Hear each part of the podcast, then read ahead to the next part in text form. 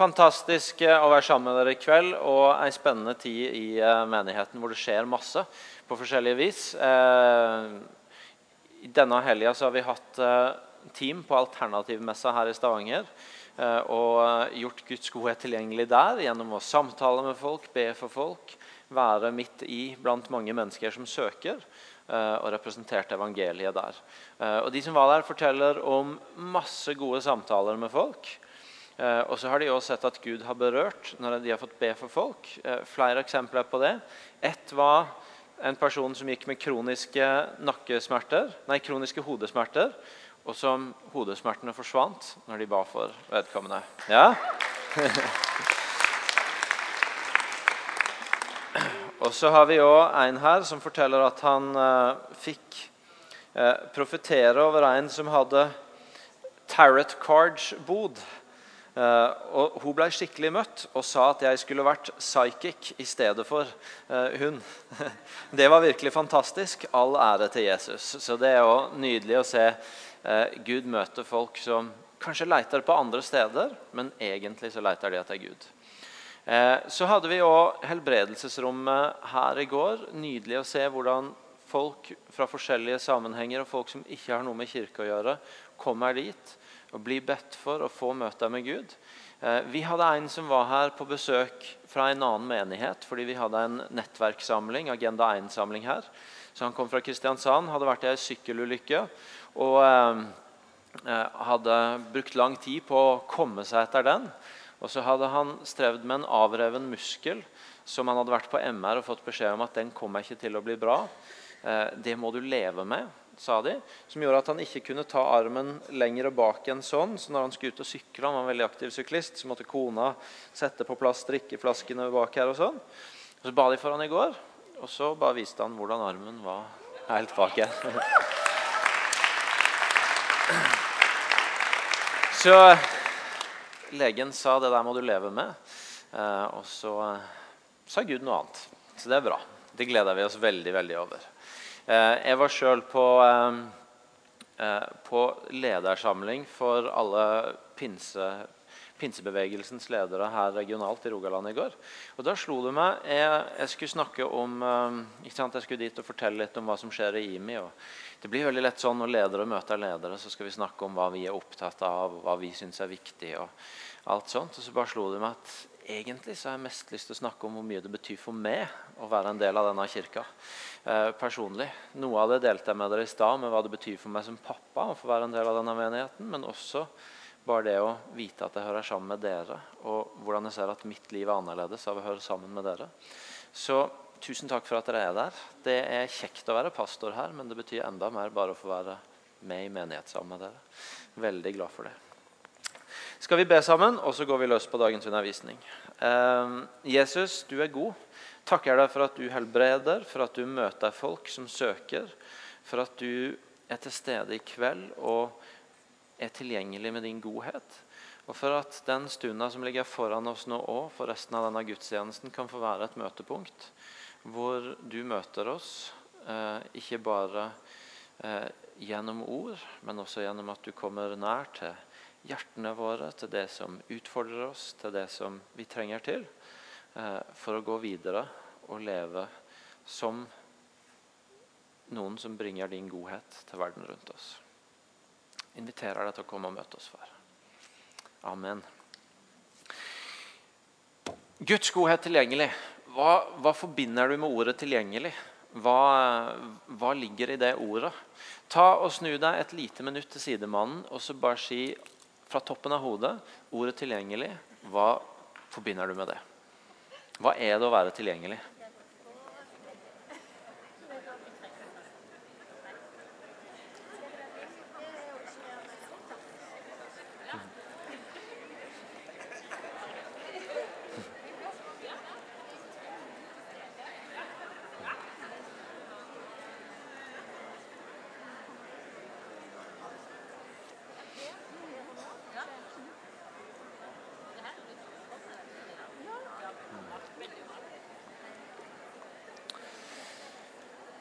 Ok. Eh,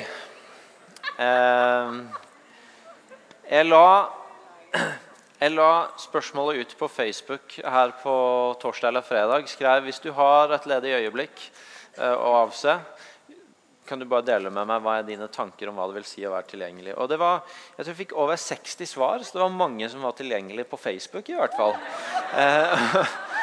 Og, og, et av svarene på hva det ville si, var jo Snapchat, Instagram, Facebook, Twitter helst samtidig. var et forslag. Så var det en annen som sa å være tilgjengelig er å ikke ha så mye å gjøre at du ikke kan stille opp når livet plutselig skjer, men heller ikke ha så lite å gjøre at du ikke gidder å stille opp når det skjer.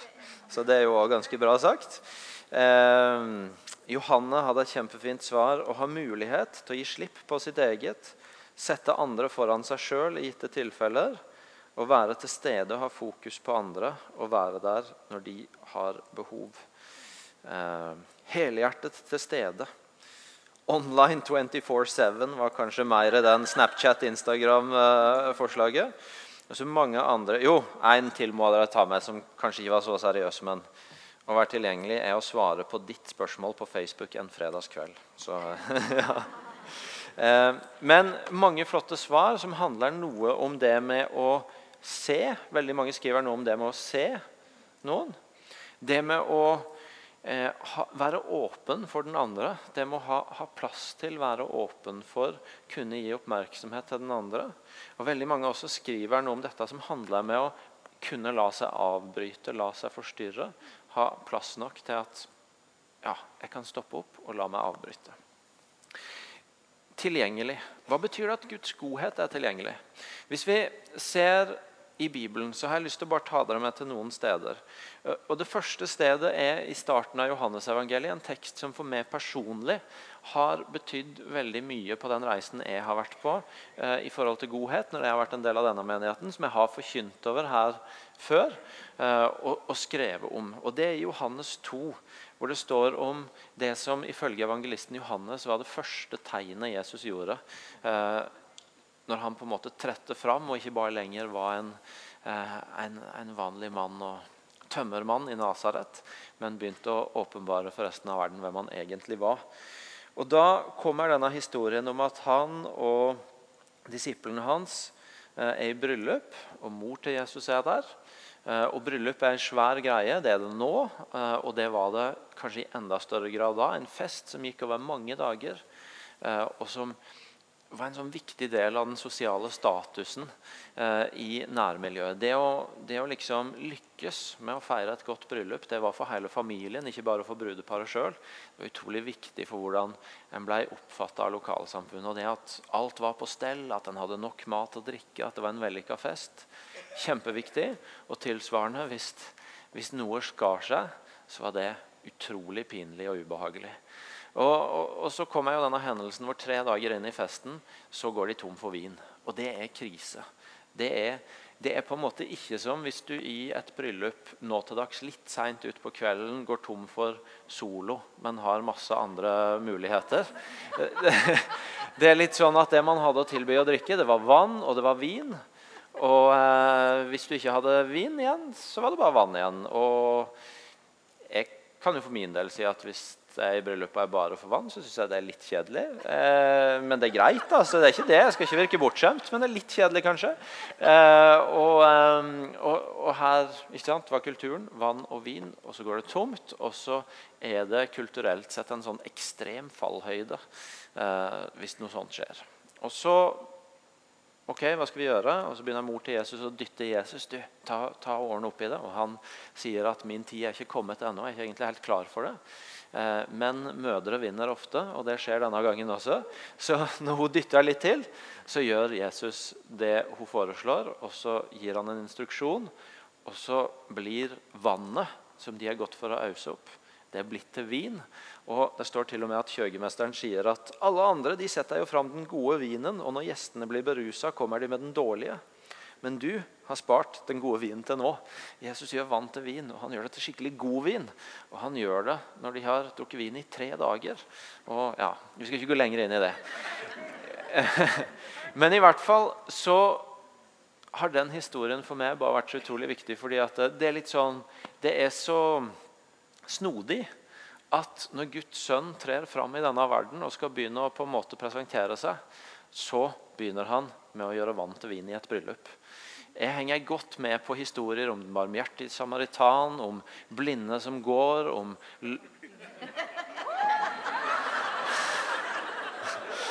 Blinde som ser, lamme som går.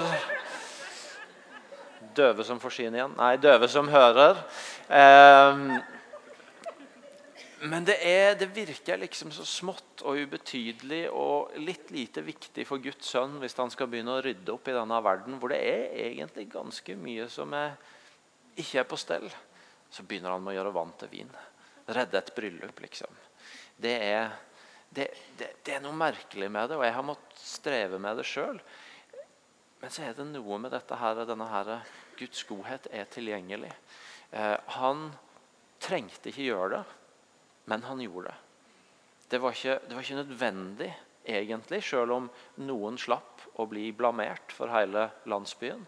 Men han gjorde det. Hans godhet var tilgjengelig. Så går vi til mot slutten av Johannesevangeliet, hvor det, nærmer, hvor det virkelig har tilspissa seg. Hvor det begynner å bli tydeligere og tydeligere hvem Jesus er, og hvor konflikten rundt det er blitt så tilspissa at i Johannes evangeliet kapittel 18 så står det om når Jesus blir tatt til fange. Det står at han går sammen med disiplene sine. De går til Kedronbekken, inn i en hage som lå der. Og Judas, han som forrådte han, kjente også til stedet, for Jesus og disiplene hadde ofte kommet sammen der. Og Så beskrives det hvordan Judas kommer med en vaktstyrke og så blir Judas, som er en av Jesus sine betrodde menn, den som forråder han, når han bare peker ut Jesus for disse vaktene. og Så legger de hånd på han, og så tar de han til fange.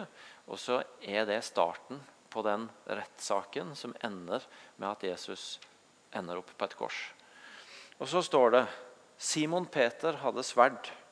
Han trakk det, hogg etter øversteprestens tjener og kutta det høyre øret av ham. Simon Peter vil ta mesteren sin i forsvar. Så han trekker sverdet, og han tar øret. Tjeneren het Malkos. Men Jesus sa til Peter, 'Stikk sverdet i sliren.' 'Skulle ikke jeg tømme det begeret min far har gitt meg?' Og I et av de andre evangeliene, i Lukas-evangeliet så står det ikke bare at han stoppa Peter og ba han legge sverdet i slira, men det står at han helbreda øret, gjorde det friskt igjen, satte det tilbake i rett stand. Nå er det plutselig konflikt. Det er tilspissa. Det er, står om liv og død for Jesus. Og Jesus vet det veldig godt sjøl. Og allikevel, når han er så vi, vi sier noen ganger at én ting er på en måte hva, du, hva, hva, som kommer ut av deg, hva du, hva du, har å gi når du er på høyden. Og, og det ikke er press rundt deg, og du kan velge sjøl. Men, men, det er når vi blir pressa, når vi er trua, når vi er under trykk fra omgivelsene, at når vi skvises da, så, så, får en gjerne se litt mer av hva som bor på innsida av oss. Akkurat som hvis du skviser sitronen, så spruter det som er på innsida, ut. Når vi presses, så, så skvises det som er på innsida, ut. Og når Jesus presses, når Jesus skvises, så er fortsatt det som kommer ut av en godhet. Så er fortsatt det som kommer ut av han, stopp! Ikke gjør det. Ikke, ikke, ikke, ta han med sverdet. Pass på øret hans. Og, og, som sagt i det andre evangeliet til og med, jeg, jeg gjør deg frisk igjen. Jeg, jeg helbreder deg. Nå er han i en situasjon hvor han egentlig ikke kanskje trenger å forvente han at han skal vise godhet. For han, han blir urettferdig fengsla. Livet hans er i fare. Det hadde ikke vært så urimelig om han ville kjempe litt for det. Men, men fortsatt under det presset så er det godhet som tyter ut av han. Når Jesus ikke trengte å vise godhet, så var det godhet som kom ut av han. Når Jesus ikke trengte å forvente av han, eh, en ikke kunne kreve at han skulle vise godhet, så var det fortsatt godhet som kom ut av han. Det sier oss noe om at den godheten Jesus gjør tilgjengelig, det er en godhet som ikke er kalkulerende, som ikke er uberegnelig, som ikke har eh, på en måte regulerte tidsbestemmelser for når den er åpen og tilgjengelig. Men det er tilgjengelig. Den er der hele tida. For imellom de to historiene i evangeliet så er det bare historie på historie om hvordan han møter mennesker med godhet. Så mye at når apostlene skulle oppsummere det i Apostlenes gjerninger 10.38, så sier de han gikk omkring overalt og gjorde godt. Guds godhet er tilgjengelig. Den er ikke kalkulerende, den er ikke beregnende, den er ikke bestemte åpningstider. Men, men den bare er der. Den dukker opp når den ikke trengte å dukke opp. Den dukker opp når han ikke kunne forvente at den skulle dukke opp. Den bare er der. Han er god. Hvordan, får, hvordan kan det skje for Jesus? Kanskje finner vi en nøkkel når vi ser Jesus si i Johannes 5, vers 19 da, da har Jesus helbreda. Da har han igjen vist sin godhet gjennom en helbredelse av en syk. Og så har det blitt en diskusjon fordi dette skjedde på sabbaten. og På sabbaten skal jo ingen gjøre noen ting, og så har Jesus drevet og helbreda. Og Så blir det et ordskifte om det, og så sier Jesus.: Sannelig, sannelig, jeg sier dere. Sønnen kan ikke gjøre noe av seg sjøl, men bare det han ser sin far gjøre. Det far gjør, det gjør også sønnen. For far elsker sønnen og viser han alt det han sjøl gjør. Og han skal vise han større gjerninger enn dette, så dere skal undre dere. For slik far reiser opp de døde og gjør de levende, slik gjør også sønnen levende hvem han vil nøkkelen til at Jesus igjen og igjen åpenbarer godhet. Enten det kan framstå som litt unødvendig, eller det kan framstå som ufortjent, er at han gjør det han ser far gjøre. Han sier det jeg gjør, det er bare at jeg ser hva Gud gjør, hva som er på Guds hjerte, og så åpenbarer jeg det for denne verden. Så er det det jeg bringer videre til denne verden. Han åpenbarer Guds godhet for vår verden ved at han sjøl er tilgjengelig for far, for Gud som er god. Og så blir det utgangspunktet for at han bringer det til vår verden. Eh, han sier, 'Jeg kan ikke gjøre noe av meg sjøl, men bare det jeg ser far gjøre.' Det far gjør, det gjør også sønnen. Gud er god. Gud er god uten forbehold. Hans godhet er tilgjengelig uten forbehold. Den er døgnåpen. Den er ikke beregnende, den er ikke kalkulerende. Og når Jesus gjør seg tilgjengelig for den, når han mottar den, så er det det som tyter ut av han igjen og igjen. Uavhengig av om det var nødvendig eller om det var fortjent, så er det det som tyter ut av han. Og da, Når vi snakker om at Guds godhet er tilgjengelig, så er det ikke sikkert at spørsmålet er om Guds godhet er tilgjengelig. Nei, den er tilgjengelig. Den er der. Men spørsmålet blir kanskje om vi er tilgjengelige. Tar vi imot? Er vi i den posisjonen hvor vi stiller oss åpne og som Jesus ser til far og våger å tro at selv om jeg kanskje ikke syns det er nødvendig nå, så er ikke han styrt av det. Han er god uansett. Selv om jeg kanskje ikke syns jeg fortjener det nå, så er ikke han styrt av det. Han kommer med sin godhet uansett. Selv om jeg kanskje tenker at nå har det vært mye mas fra meg i det siste, nå holder det, så er han døgnåpen og klar for å åpenbare sin godhet uansett. Hans godhet er tilgjengelig, og spørsmålet er ikke om, om han vil gi, men om vi vil ta den imot. Og Da blir jo spørsmålet er, er fraværet av godhet egentlig at vi ikke er tilgjengelige for han? at vi ikke er tilgjengelige for å ta imot hans godhet. Profeten i Det gamle testamentet som, som, som fra Guds stemme sier at 'Jeg ropte, men dere hørte ikke'. Jeg prøvde å gi dere det. Jeg prøvde å si ifra. Men dere ville ikke ta det imot. Hans godhet er tilgjengelig. Og så er noe av utfordringa om vi er tilgjengelige for Han. En bibelfortelling som har gjort noe med meg denne uka, og som er en fortelling om å gjøre seg tilgjengelig for Guds godhet. Første Samuels bok, kapittel 1, står det om ei dame som heter Hanna. Hun er gift med eh, en kar som heter Elkana. og han har, og Vi tar ikke hele den runden i kveld, men han har da to koner. Eh, ja, vi lar det temaet ligge, men han har altså ei kone som heter Penina, og ei som heter Hanna. Eh, Hanna står det er favoritten til ektemannen, men Penina er den som har fått barn. Og Der står at Hanna fikk ikke barn, og det var en stor sorg for henne. Og Så står det at medhustruen som var imot henne, altså imot Hanna, terga henne stadig og ville gjøre henne motløs fordi Herren hadde lukka hennes mors liv. Og Slik gikk det år etter år. Hver gang, fordi De hadde en tradisjon at til høytiden så dro de opp til Herrens hus, til tempelet, og feira høytid. Og da begynte også Penina å stikke i Hanna. Terge og plage henne. Du som ikke kan få barn. Du som, du som Gud ikke har velsigna med barn. Hver gang Hanna dro opp til Herrens hus, så terga Penina henne. Da gråt hun og ville ikke spise. Og Elkana, mannen hennes, sa til henne, 'Hvorfor gråter du, Hanna? Hvorfor spiser du ikke?' 'Hvorfor er ditt hjerte så fullt av sorg?' 'Er ikke jeg mer for deg enn ti sønner?'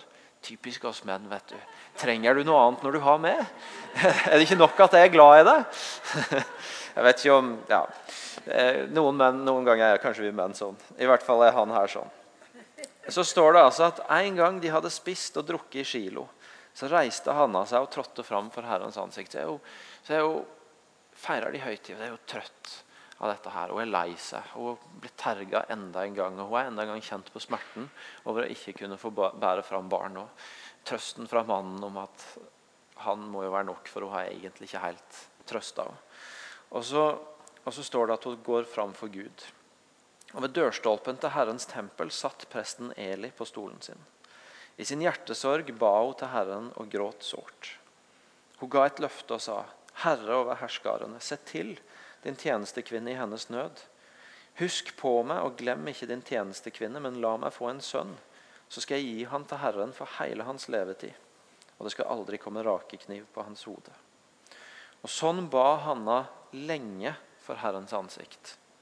Sånn ba Hanna lenge for Herrens ansikt. Og Eli, som var prest der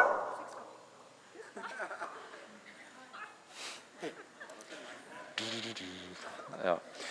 Eh, Eli fulgte munnen hennes med øynene, for Hanna ba i det stille i sitt hjerte. Bare leppene hennes rørte seg, men stemmen hørtes ikke. Derfor trodde Eli at hun var full. Trodde at her sitter det ei dame som har vært og feira høytid, og sitter der og mumler for seg sjøl og klarer ikke helt å få ut orda, og sikkert har drukket litt for mye. Og Så sier, hun, lenge, sier han til henne, 'Hvor skal lenge skal du vise deg full?' Se til å få rusen av deg. Nei, Herre, svarte Hanna. Jeg er en kvinne som bærer på en tung sorg. Vin eller annen sterk drikk har jeg ikke drukket. Så kommer vakreste setninga jeg har lest i Bibelen denne uka. Men jeg har tømt mitt hjerte for Herrens ansikt. Jeg har tømt mitt hjerte for Herrens ansikt. Hold ikke din tjenestekvinne for en dårlig kvinne, for hele tida talte jeg ut av min store sorg og smerte. Da sa Eli, gå i fred, Israels Gud skal gi deg det du har bedt han om. Og Så blei det et berøringspunkt som gjør at historien fortsetter. og Der står at eh, neste morgen så sto de tidlig opp og tilba Herren. og Så ga de seg på hjemvei og kom til Rama. Og Da Elkana igjen var sammen med sin kone Hanna, husket Herren på henne.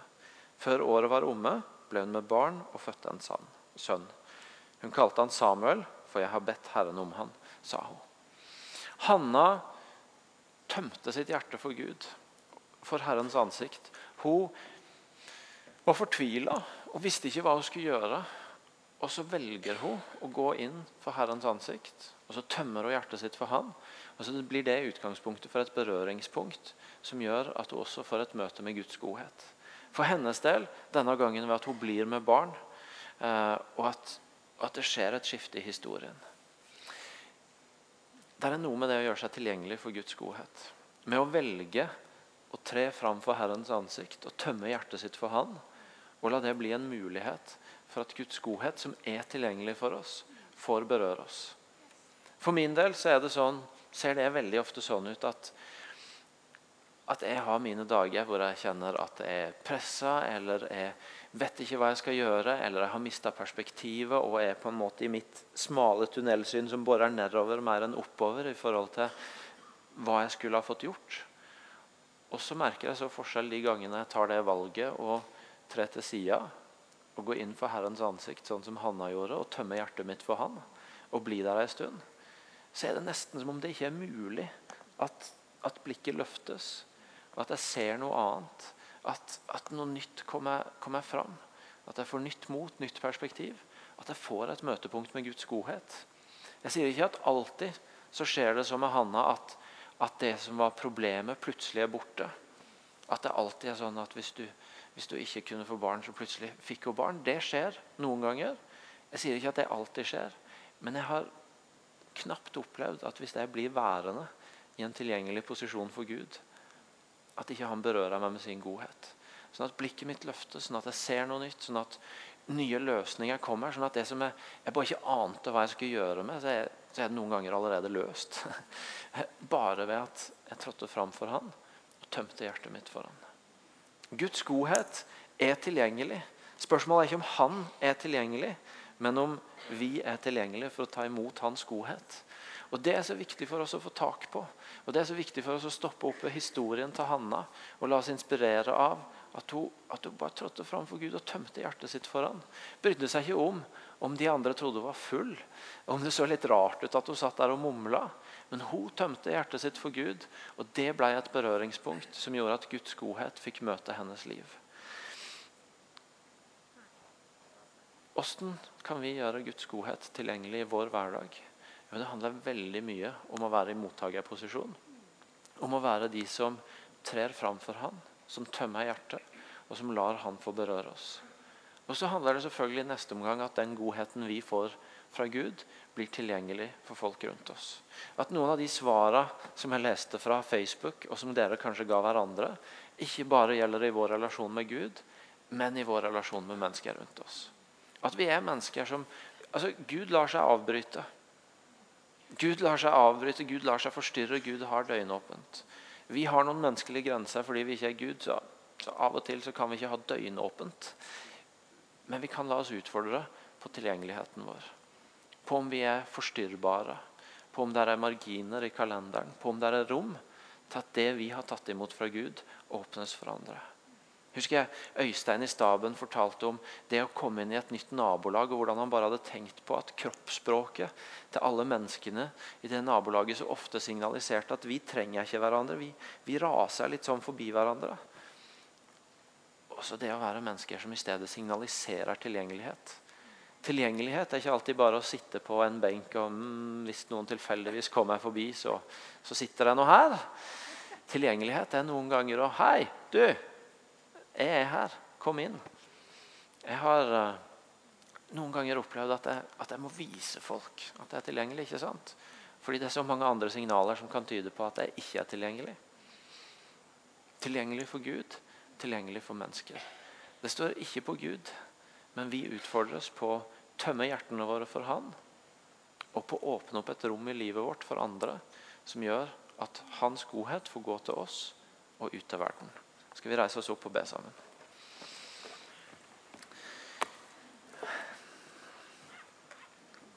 Gud, du er, du er, utrolig god. Og det er så godt å lese evangeliene og se at når Jesus synliggjør hva du gjør, så tyter det godhet ut. Enten det er unødvendig eller ufortjent. Du bare er god. Du kalkulerer ikke, du beregner ikke, du holder ikke åpningstider. Jeg har lyst til å takke deg for at det kan få være vårt møtepunkt her og nå i kveld. Akkurat denne kvelden så kan vi få tømme hjertet vårt for du. Og så kan vi få ta imot av din godhet.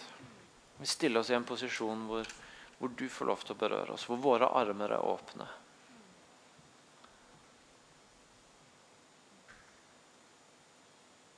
Og hvor du får gi oss nye bilder nytt mot, nye perspektiver, nye svar, nye tanker.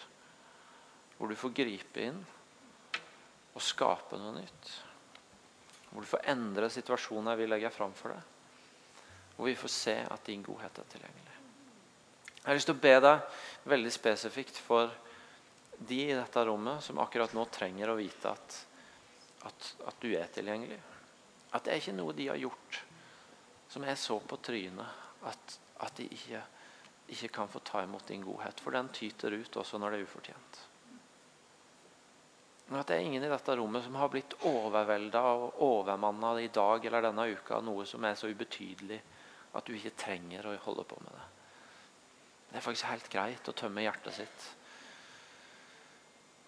for det som kan virke ubetydelig. Kom og møt brødre og søstre.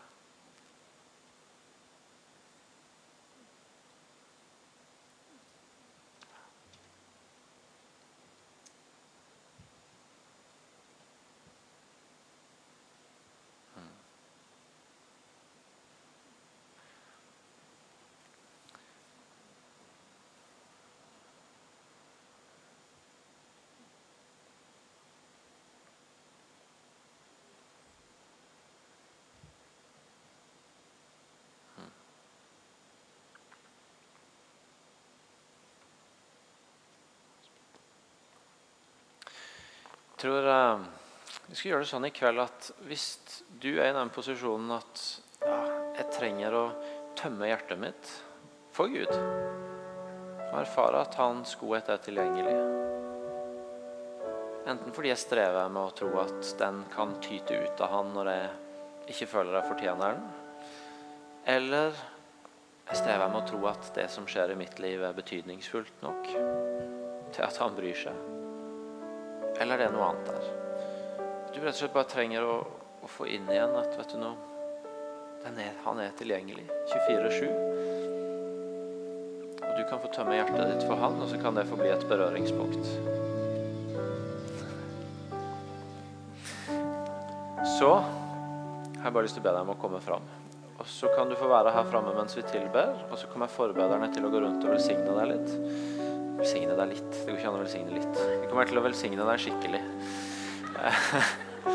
um, og så kan det få være ditt møtepunkt uh, med Guds godhet i kveld. Så bare begynn å komme fram. Hvis du trenger å tømme hjertet ditt for Gud i kveld og smake Hans godhet, så er den tilgjengelig. Bare begynn å komme fram, så, så har vi lyst til å be for deg og velsigne deg.